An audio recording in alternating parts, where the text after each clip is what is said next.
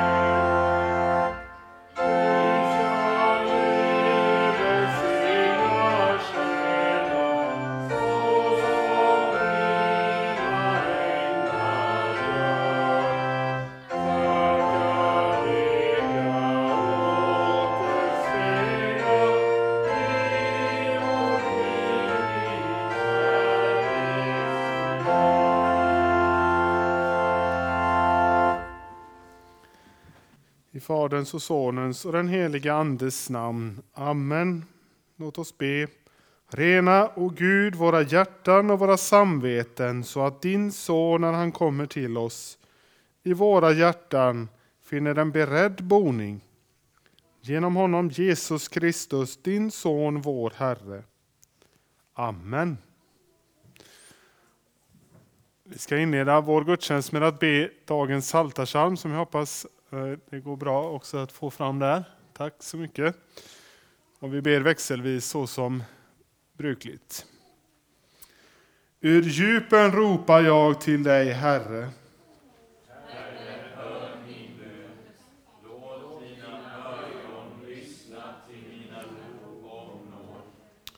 Om du, Herre, tillräknar synder, Herre, vem kan då bestå?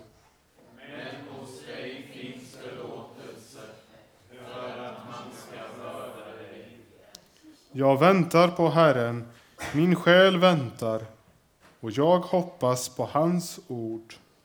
Min själ längtar efter Herren, mer än väktarna efter morgonen, mer än väktarna efter morgonen. Israel, hoppas på Herren, för hos Herren finns nåd, full lösen finns hos honom.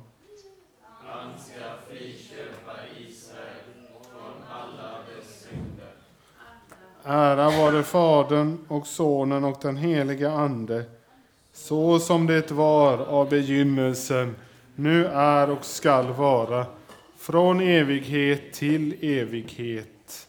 Amen.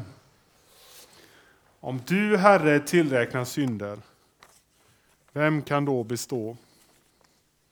Men hos dig finns förlåtelse för att man ska vörda dig.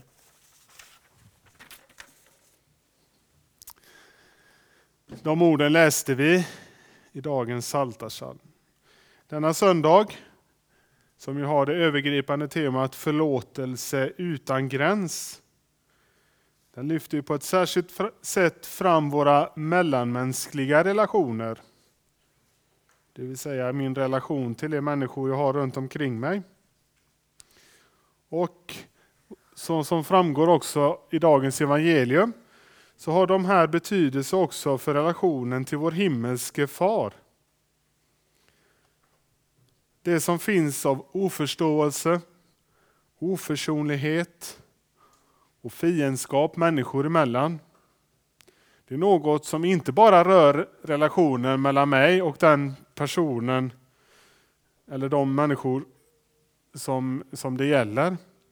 Utan det påverkar också relationen mellan mig och min Gud.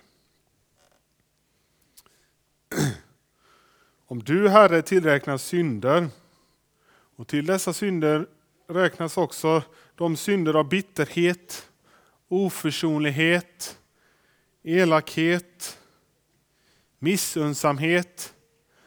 Ja, listan kan göras lång med allt det som jag kan känna eh, gentemot min nästa. Det som jag har gjort och gör mig skyldig till rörande min äkta hälft eller mina barn eller mina föräldrar, syskon, vänner, arbetskamrater, skolvänner och så vidare. Men också mina fiender. Ja, varje människa som kommer i min väg. Om Herre, om du tillräknar mina, alla dessa mina synder som jag gör mig skyldig till, vem kan då bestå? Ja, dessa synder som vi nu då kanske drar oss till minnes och även de som vi inte minns får vi nu bekänna för Herren. Vi får göra det i förvissning om att hos honom finns förlåtelse. Varför då? Jo, eftersom Jesus burit dessa mina missgärningar upp på korset. Det som vi blir påminna om varje gång vi går in i kyrkan om korset. Att Jesus där har burit våra synder, våra missgärningar. För att vi hos honom ska finna förlåtelse. Och med förlåtelsen som Jesus ger, så hörde vi också, finns grunden för att vi rätt ska kunna frukta, eller så som det står i den nya översättningen, vörda Herren Gud. Jesus tar bort det som skiljer oss från Gud och han ger oss kraften och sin ande till att rätt frukta och vörda honom. Och så har vi också lärt oss att det syndernas förlåtelse är, är också liv och salighet. Liv som först och främst består för evigt, men också ett liv som inte bara lever för sig själv, utan också är ett liv för andra. Att vörda eller att frukta Herren Gud är också att ömsint ta sig an de människor som han har skapat, det vill säga de människor som jag möter. Och som på olika sätt kanske kan göra mig illa, men som jag får leva och möta med ett försonande sinnelag för Jesu Kristi skull. Och denna försonlighet, denna kärlek kan endast födas av att vi tar, själva tar emot den kärlek som offrade sig för oss på korset. Jesus Kristus. Och det gör vi nu när vi ber och bekänner vår synd och skuld och av honom tar emot hans förlåtelse. Så låt oss be och bekänna.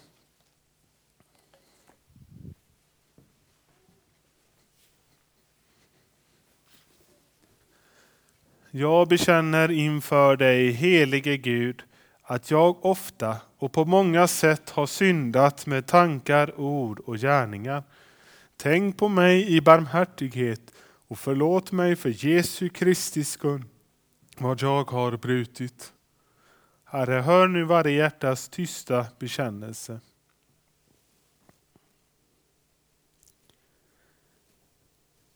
Jesu, Guds sons blod renar oss från all synd.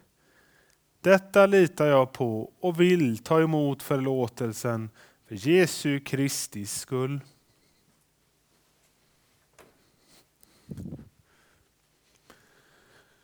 Begär du dina synders förlåtelse för Jesu Kristi skull så är i kraft av Guds ord och löfte fast och visst att Gud av nåd förlåter dig alla dina synder.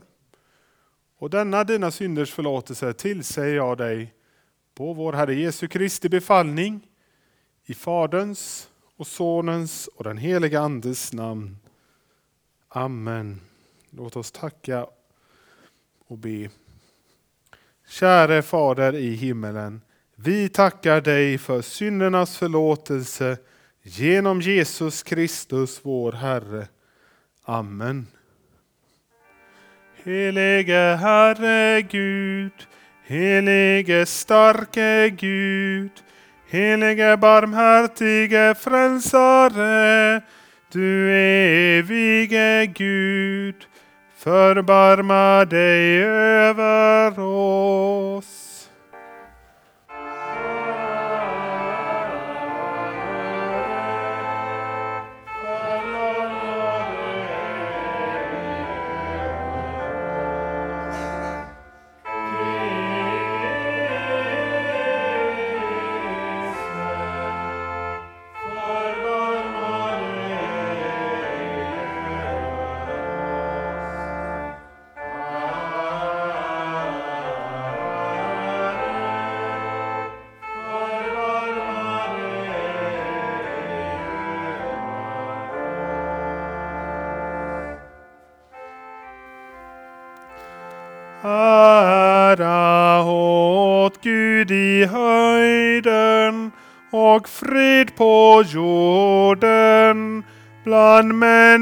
Människor som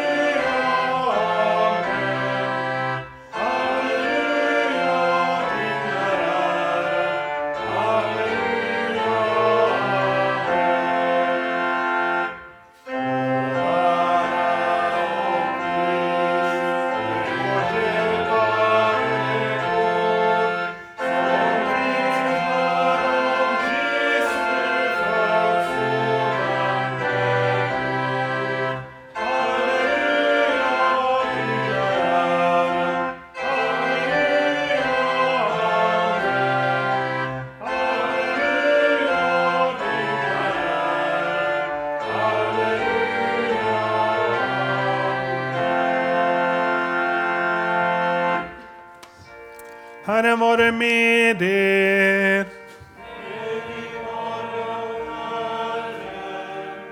Låt oss bedja. Herre vår Gud, himmelske Fader, du som genom din son Jesus Kristus har lovat syndernas förlåtelse åt alla dem som tror. Låt hans kärlek övervinna våra hjärtan så att vi villigt förlåter vår nästa och lever som dina barn. Genom din son Jesus Kristus, vår Herre. Amen. Så ska vi lyssna till Herrens ord idag på 23 söndagen efter trefaldighet. Och vi lyssnar först till den gammaltestamentliga läsningen ur profeten Hoseas bok. Hur ska jag kunna överge dig, Efraim? Ska jag lämna dig, Israel? Hur ska jag kunna göra med dig som med Adma och behandla dig som Sebojim? Mitt hjärta vänder sig i mig, all min barmhärtighet vaknar. Jag vill inte utföra min brinnande vrede, jag vill inte ödelägga Efraim igen, för jag är Gud och inte en människa. Jag är helig bland er och vill inte komma med vrede. Och vi lyssnar också till Herrens ord i dagens epistel, i första Thessalonikerbrevet. Håll frid med varandra. Vi uppmanar er bröder, förmana de oansvariga, uppmuntra de missmodiga. Ta hand om de svaga och ha tålamod med alla. Se till att ingen lönar ont med ont, utan sträva alltid efter att göra gott, både mot varandra och mot alla. Så lyder Herrens ord. Gud, vi tackar dig.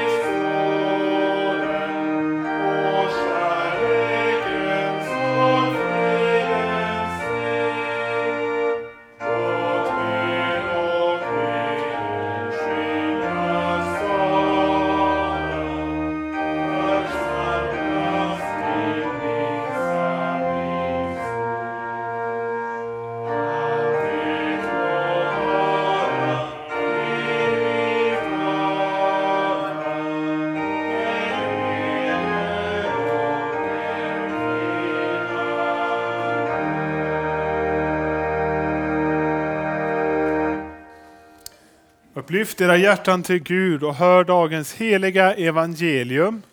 Så skriver evangelisten Markus. Jesus sade, allt vad ni ber om och begär, tro att ni har fått det, så ska det bli ert. Och när ni står och ber, så förlåt om ni har något emot någon. Då ska också er far i himmelen förlåta er era överträdelser. Så lyder det heliga evangeliet. Lovad vare du, Kristus.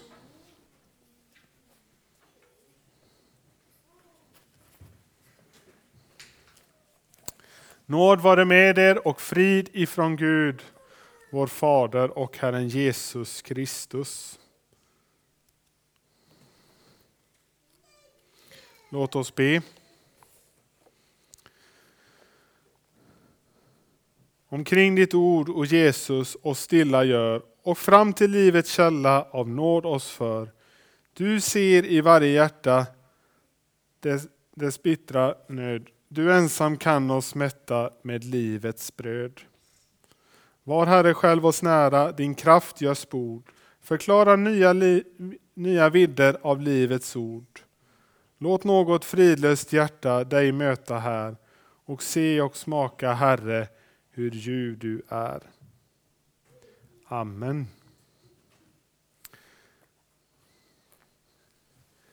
Er fader, hörde vi Jesus säga i evangeliet idag. Och när jag igår förberedde denna predikan så hade jag ingen tanke på att det är ju fars dag idag. Eh, men det blev jag påmind om i morse, att det är ju fars dag idag. Och då är det gott att vi denna söndag får bli påminna om vår himmelske fader. För hur vår relation med vår jordiske fader är, det kan vara olika för oss. Det kan vara mer eller mindre god relation.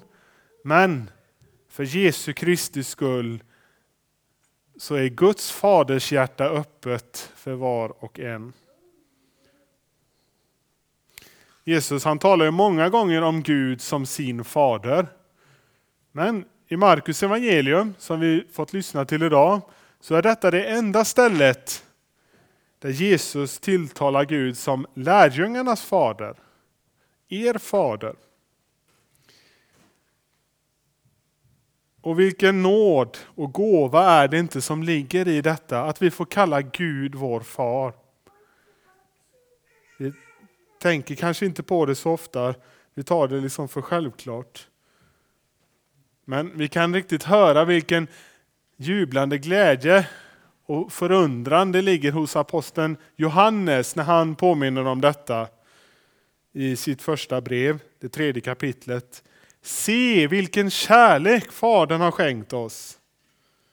Alltså lyft blicken, se vilken kärlek Fadern har skänkt oss. Att vi får kallas Guds barn. Att vi får vara barn till Gud i himmelen. Och Johannes han skriver vidare om hur denna kärlek kom och kommer oss till del i det fjärde kapitlet. Så uppenbarades Guds kärlek till oss.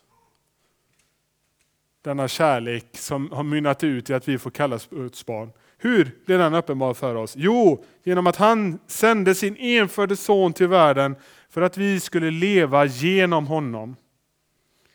Detta är kärleken. Inte att vi har älskat Gud, utan att han har älskat oss och sänt sin son till försoning för våra synder.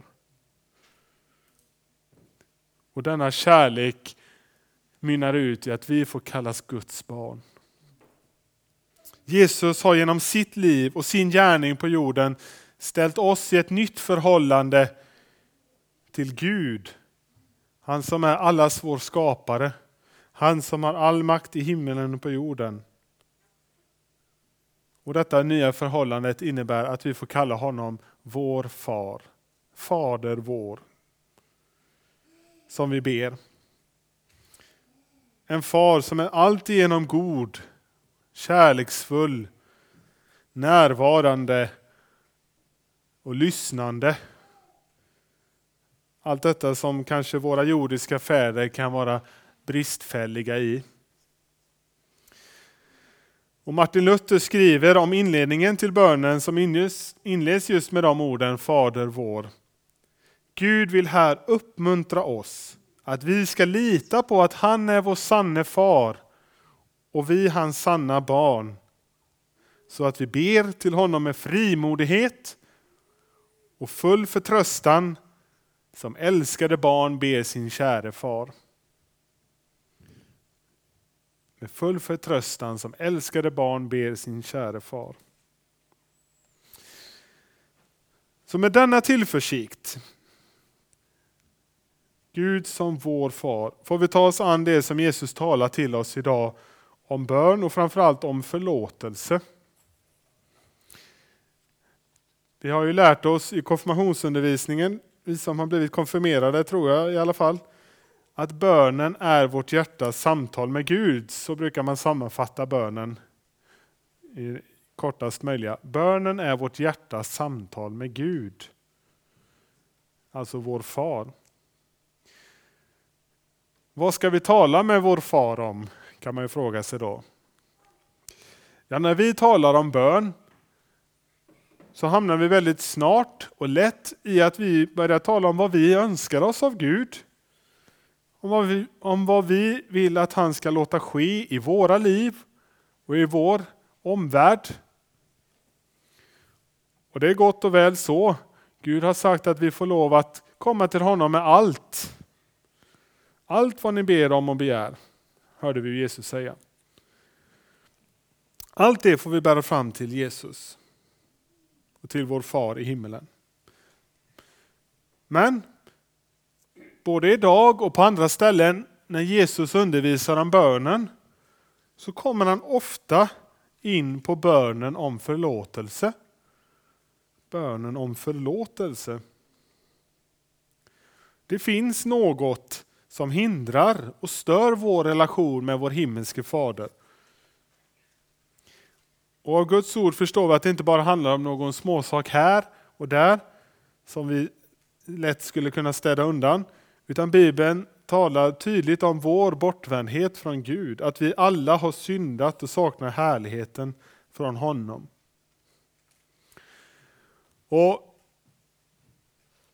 Angående just detta med förlåtelsen, i en liknelse där vi förstår att Jesus talar om vårt förhållande till Gud, så liknar han ju vår skuld till honom vid 10 000 talenter.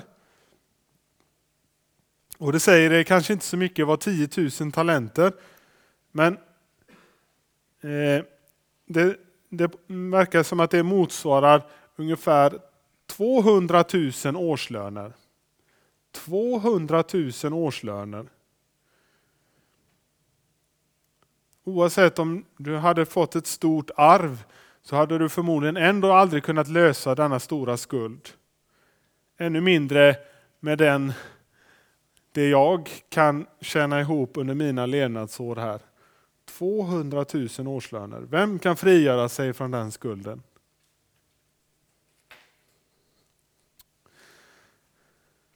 Förlåtelse i Nya Testamentet. Det är ju, Nya Testamentet är ju skrivet på grekiska och det grekiska ordet bakom förlåtelse är afiemi. Afiemi som vars grundbetydelse skulle kunna sägas motsvara ungefär släppa lös eller sända. Att frigöra något. Någon har gjort en annan skada eller oförrätt på något sätt. Hur reagerar vi då nat av naturen, av oss själva? Om vi har blivit utsatt för en oförrätt? Ja, även om vi kanske inte handgripligen går till hämnd, så är det hämnd eller vedergällning som vi tänker oss. Att rättvisa skipas enligt den urgamla devisen öga för öga, tand för tand. Vi strävar efter rättvisa. Och det kan man ju säga att i någon mån så är det någonting gott och väl om vi kan uppnå rättvisa i någon mån. Men samtidigt fullkomlig rättvisa kan vi inte uppnå här på jorden. Fullkomlig rättvisa. För vad blir det av mig och alla andra om fullkomlig rättvisa skulle utkrävas? Om Gud som den rättvise, fullkomligt rättvise domaren skulle utkräva rättvisa på jorden, vad blev det då av mig? Hur kan rättvisa återställas? Ja, Guds ord uttrycker det så i Hebreerbrevet. Utan att blod utgjuts ges ingen förlåtelse. Om, om inte mitt blod ska utgjutas, vem tar min plats? Vem bär min oförrätt i mitt ställe? Här kommer vi in på detta med förlåtelsen. Att släppa lös, frigöra. Någon annan får bära oförrätten i förövarens ställe. Jag ger inte tillbaka vad du förtjänar. Jag bär oförrätten i ditt ställe. Du är fri att gå. Kristus gick in i själva himlen för att nu träda fram inför Guds ansikte för vår skull. Han blev offrad en gång för att bära många synder. Det vill säga, han tar på sig oförrätten. Han tar på sig din synd, din skuld och bär den i ditt ställe. Han är därför garanten för att fullkomlig rättvisa upprätthålls.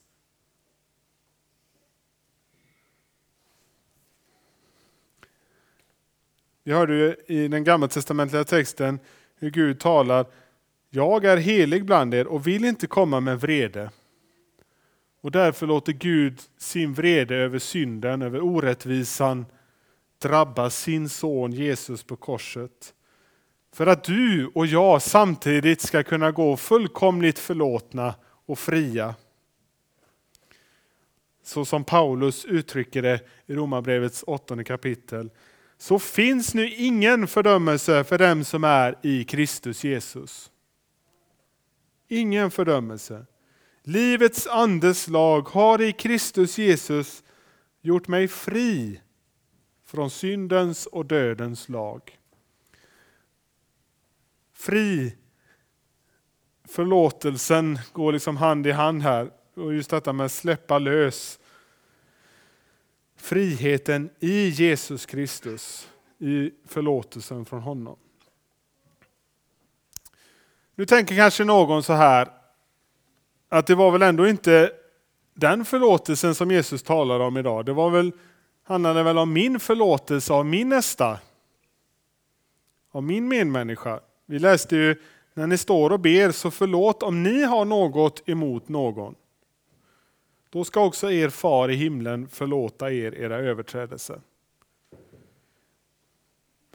Är Guds förlåtelse villkorad vår förlåtelse av varandra? Är det det som Jesus säger här? Så ska vi inte förstå Jesu ord.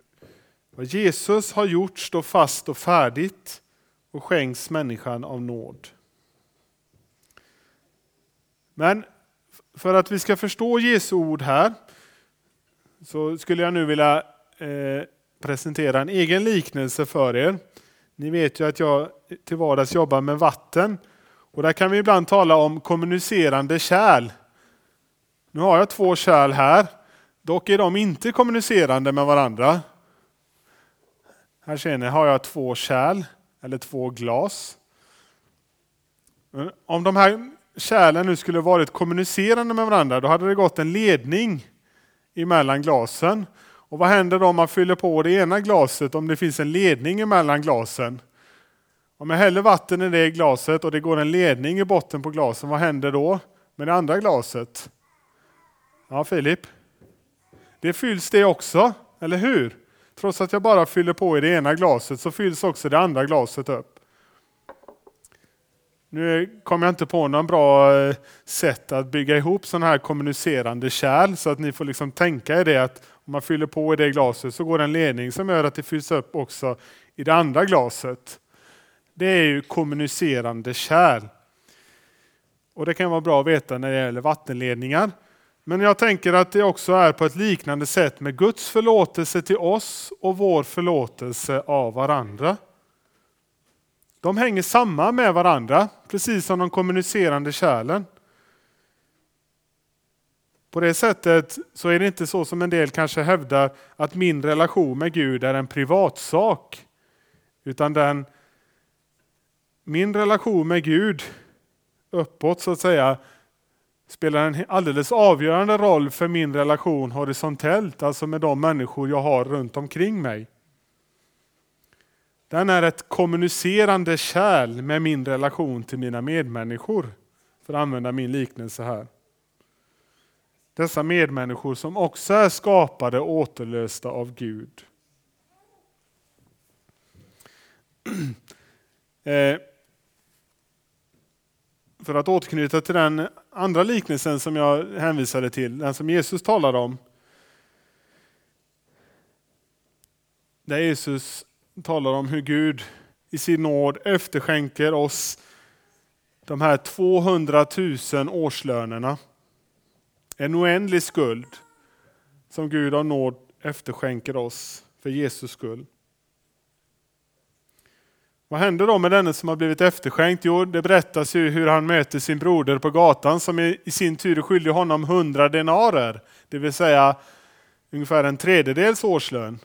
En struntsumma jämfört med vad han själv har blivit efterskänkt. Och är han villig då att förlåta sin broder? Nej, inte den mannen i liknelsen, eller hur? Det är ju märkligt att det kan vara så.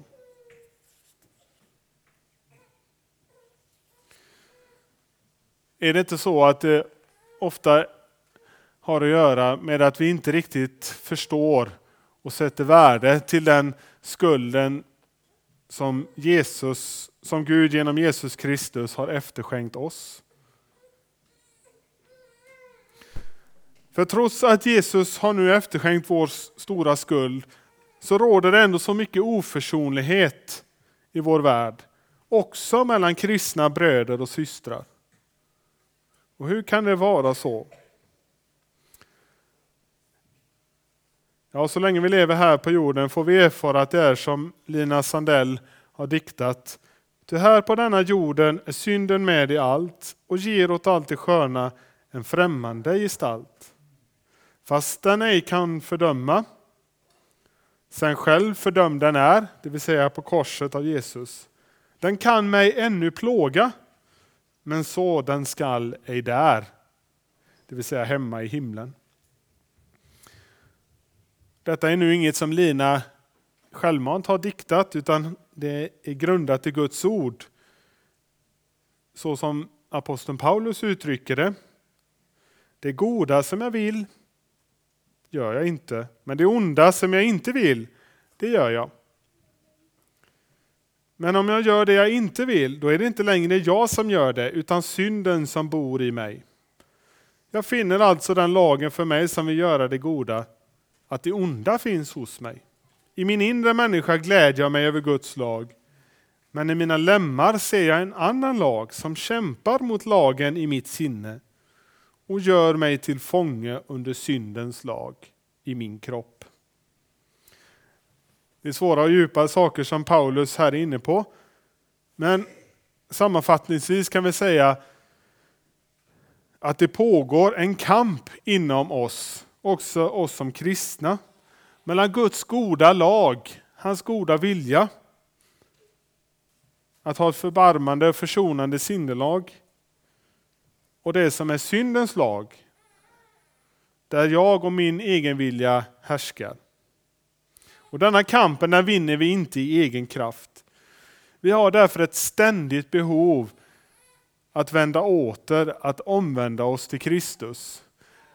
Det är liksom inte så att, om vi nu får återvända till de kommunicerande kärlen, att vi hos Jesus hämtar förlåtelse och liksom fyller upp glaset och sedan är det för alltid fullt. Utan det är som en, ett läckande kärl, våra liv. Så att den förlåtelse som vi får ta emot av Jesus, den blir snart glömd. Om vi inte vänder tillbaks till korset. Vänder tillbaks till Kristus på nytt och på nytt.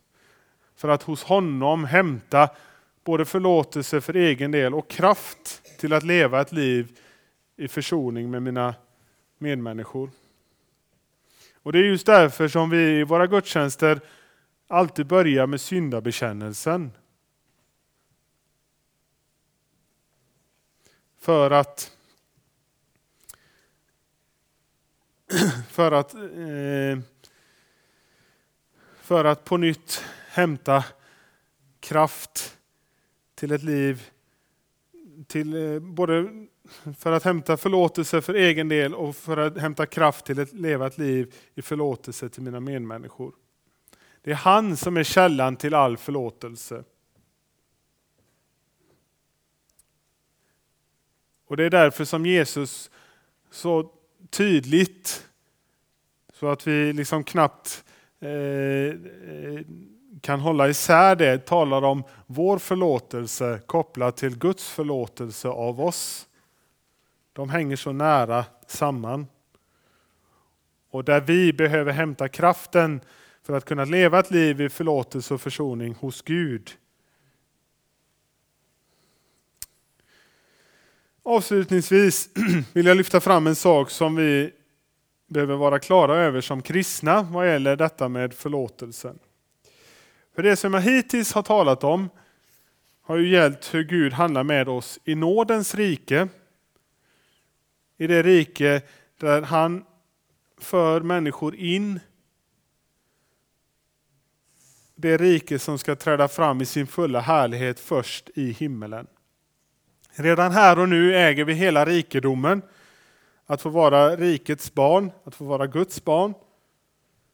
Men det kommer inte framträda i sin fulla härlighet förrän i himmelen. Men till detta rike så bjuds alla människor, oavsett bakgrund, oavsett vad man har gjort sig skyldig till. Därför att Jesus har burit alla synder. Alla förbrytelser har Jesus burit, även för den värsta krigsförbrytaren eller gängkriminell eller vad man än har gjort sig skyldig till, så finns det en fullkomlig förlåtelse att finna för var och en. Och det är det som vi som kyrka och församling är kallade att förkunna för människor. För att människor skulle vända sig om till Kristus. Detta är nådens rike. Men vi behöver ha klart för oss att Gud också styr sin skapade fallna värld även på ett annat sätt. Och det som aposteln Paulus lär oss om i Romarbrevet. Där han skriver Överheten bär inte svärdet utan orsak. Den är en Guds tjänare, en hämnare som straffar den som gör det onda. Det vill säga, överheten är inte satt till att förlåta människor deras överträdelser, utan till att hålla ordning i det samhälle vi lever i. Att inte se mellan fingrarna på det som är ont. För att människor i möjligaste mån ska kunna leva ett drägligt liv. Det är därför som Gud har insatt en överhet. Och att han styr världen också på det sättet. Och I ett annat av Paulus brev, det första brevet till Timoteus, så förstår vi att detta hänger samman med att också vi som kristna och församling och kyrka ska kunna verka fritt. Han skriver där, först av allt uppmanar jag till bön, åkallan, förbön och tacksägelse för alla människor, för kungar och alla i ledande ställning. Och Paulus talar sedan om varför då? Jo, så att vi kan leva ett lugnt och stilla liv. Och Det handlar inte nu bara om att vi ska kunna leva ett lugnt och stilla liv. För vi förstår också det att sen fortsätter Paulus att tala. Och i nästa vers så säger, talar han om det om att Gud, vår frälsare, vill att alla människor ska bli frälsta och komma till insikt om sanningen. När vi får leva i ett lugnt och stilla samhälle, när överheten håller ordning i vårt samhälle, så ges det också möjligheter att kunna vittna om Gud, vår frälsare, han som är en frälsare för alla människor, som alla människor behöver lära känna för att äga ett hopp inför evigheten. Det som är det verkligt avgörande. Så vi ser här att även fast Gud har två sätt att, eller två riken i denna världen som han leder denna världen i genom, så, så är, är, handlar det om att den ena så att säga ska tjäna det andra. Här kan man verkligen tala om att det handlar om att hålla två bollar i luften samtidigt. Detta hur Gud verkar i vår värld, både i nådens rike, för att kalla människor till förlåtelse, frihet och upprättelse. Men också hur han verkar genom den överhet han låter verka i vår värld för att upprätthålla lag och ordning. Och för att ta ett enkelt men konkret exempel så skulle det kunna vara så att vi som kyrka, församling blir kallade att gå till ett fängelse för att predika evangelium om den fullkomliga försoning som Jesus har vunnit mellan Gud och människor och att den gäller också för alla de som är inspärrade där. Och finns det då någon som lyssnar till detta så betyder det inte att fängelsets dörrar ska låsa upp utan överhetens eh, straff står fast just för att lag och ordning ska upprätthållas.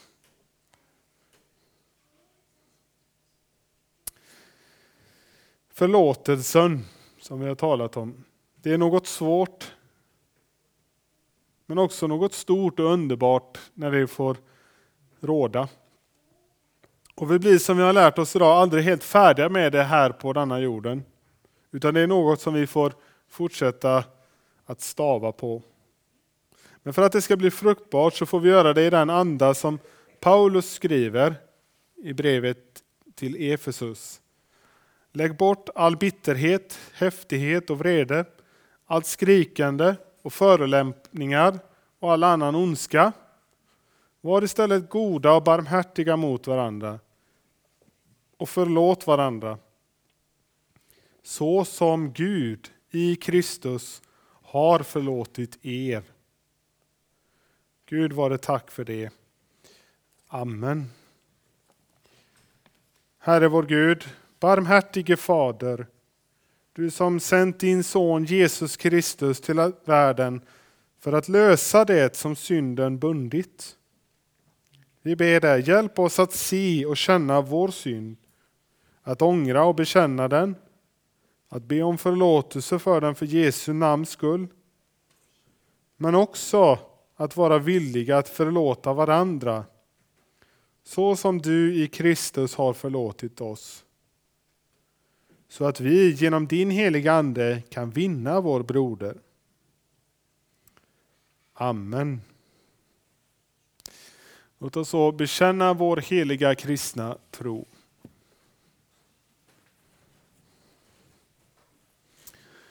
Vi tror på Gud Fader allsmäktig, himmelens och jordens skapare. Vi tror också på Jesus Kristus, hans enfödde Son, vår Herre, vilken är avlad av den heliga Ande, född av jungfrun Maria, pinad under Pontius Pilatus, korsfäst, död och begraven, nederstigen till dödsriket, på tredje dagen uppstånden igen, uppstigen till himmelen, sittande på allsmäktig Gud faders högra sida, därifrån igenkommande till att döma levande och döda. Vi tror och på den helige Ande, en helig allmännelig kyrka, det heliga samfund, syndernas förlåtelse, det dödas uppståndelse och ett evigt liv.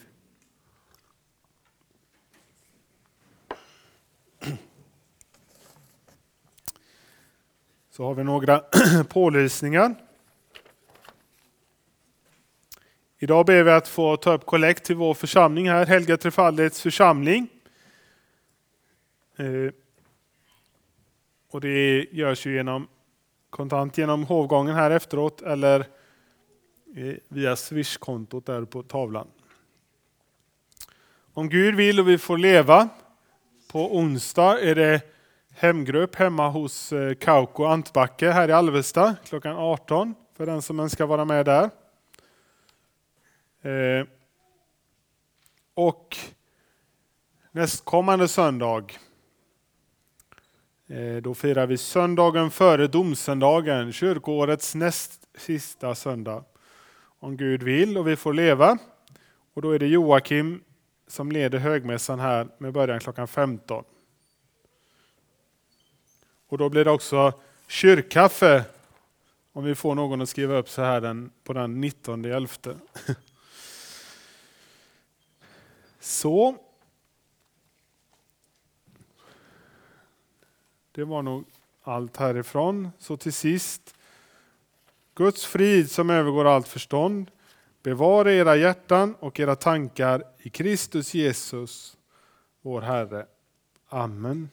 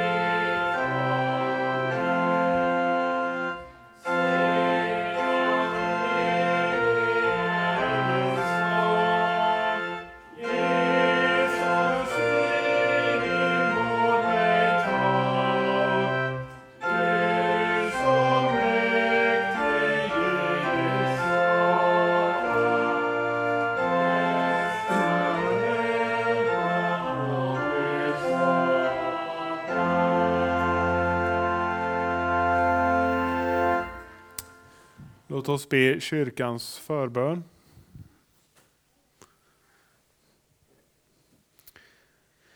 Helige Herre Gud, helige starke Gud, helige barmhärtige frälsare, du evige Gud, förbarma dig över oss. Om väckelse och förnyelse i din kyrka,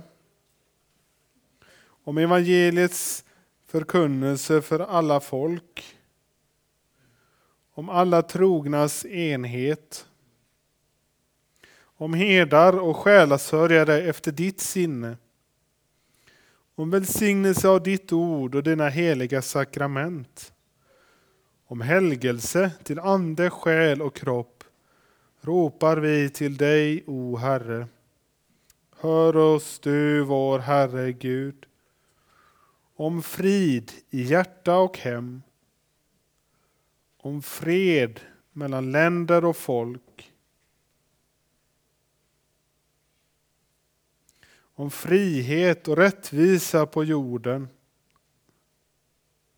om landets väl, om välsignelse över vår kung och hans familj, om vishet åt dem som regerar vårt land, om hjälp under dagen och beskydd under natten ropar vi till dig, o Herre. Hör oss du, vår Herre Gud. Om hjälp åt de fattiga, om hälsa åt de sjuka, om återförande av de förvillade och vilseförda, om räddning åt dem som är i frestelse och fara, om frimodighet åt ditt namns bekännare, om din närhet överallt där människor gråter och sörjer, om förening med dem som gått hem i tro och nu vilar i frid, om en stilla död och evig salighet ropar vi till dig, o Herre. Hör oss du, vår Herre Gud. Herre, du hör innan vi ropar. Tack för att du är mäktig att ge långt utöver vad vi kan bedja eller tänka. Dig, vår Gud, vår Fader, tillhör pris och ära och makt från evighet till evighet. Amen.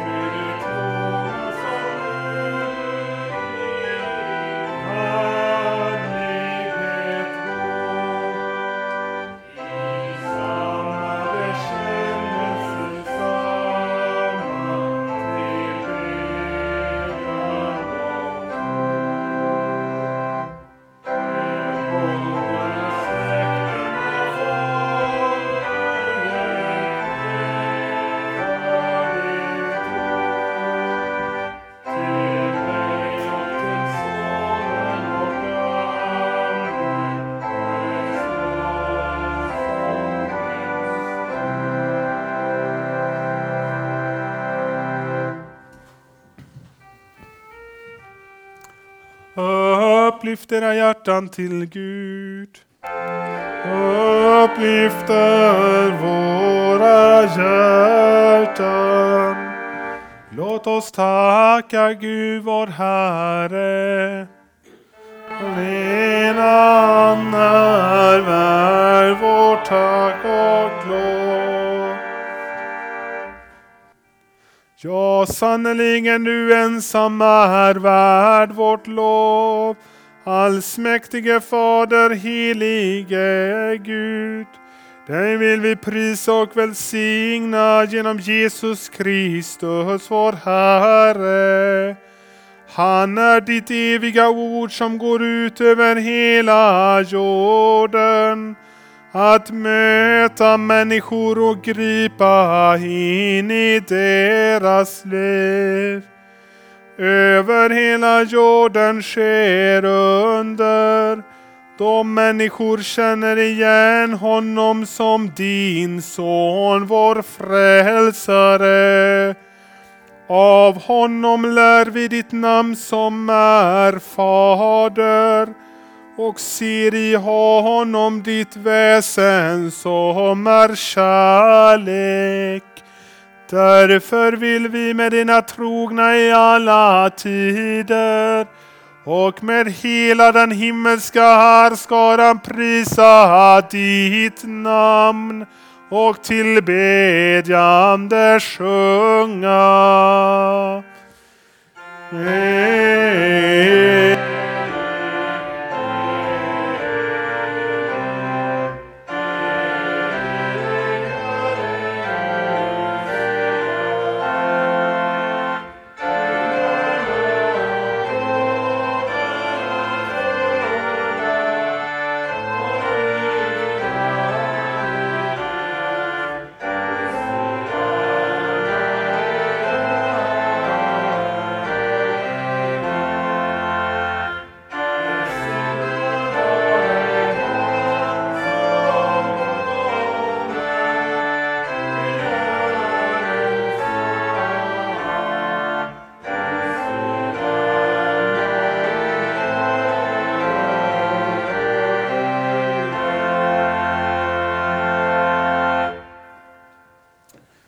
Lovad vare du, himmelens och jordens Herre, som omsluter hela skapelsen med din kärlek. Vi tackar dig för den frälsning som du skänkt oss genom Jesus Kristus. Bered oss genom din heliga Ande att ta emot honom när han kommer till oss i sin heliga nattvard. Den natt då han blev förrådd tog han ett bröd, tackade, bröt det och gav åt lärjungarna och sade Tag och ät. Detta är min kropp som blir utgiven för er. Gör detta till min åminnelse.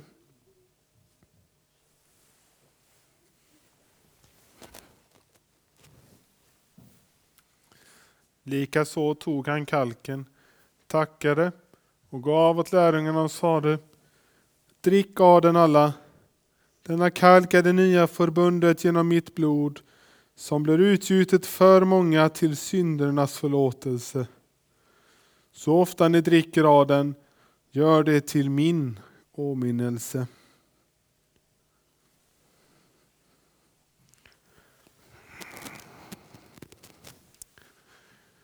Din död förkunnar vi, Herre. Din uppståndelse bekänner vi till dess du kommer åter i härlighet. Himmelske Fader, vi tackar dig för att du i denna måltid skänker oss de välsignade frukterna av din Sons lidande och död, uppståndelse och himmelsfärd. Ge oss liv av hans liv, så att han förblir i oss och vi i honom. I den heliga Ande och med dina trogna i alla tider ber vi så som din son själv har lärt oss. Fader vår som är i himmelen. Helgat var det ditt namn. Tillkomme ditt rike. Ske din vilja så som i himmelen så och på jorden.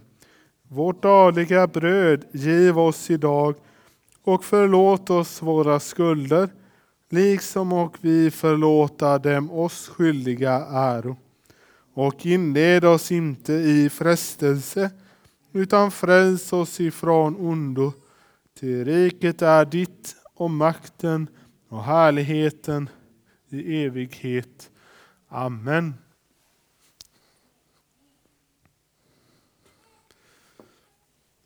Brödet som vi bryter är en delaktighet av Kristi kropp.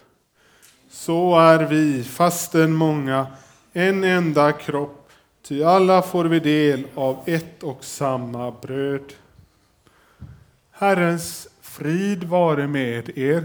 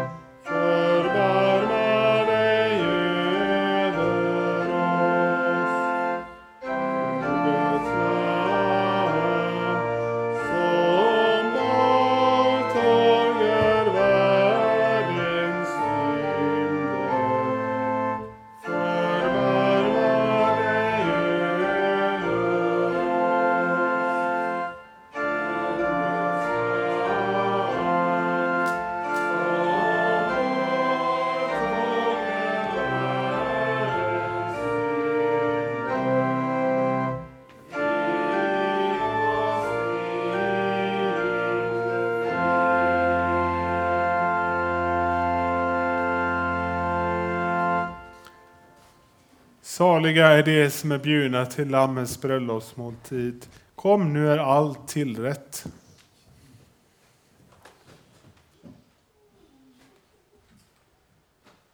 Låt oss be. Vår Gud och Fader, vi tackar dig som genom din Son Jesus Kristus har instiftat denna heliga nattvard till vår tröst och salighet. Vi ber dig, ge oss nåd att så fira Jesu åminnelse på jorden, att vi får vara med om den stora nattvarden i himmelen. För vår Herres Jesu Kristi skull. Amen. Låt oss tacka och lova Herren. Herren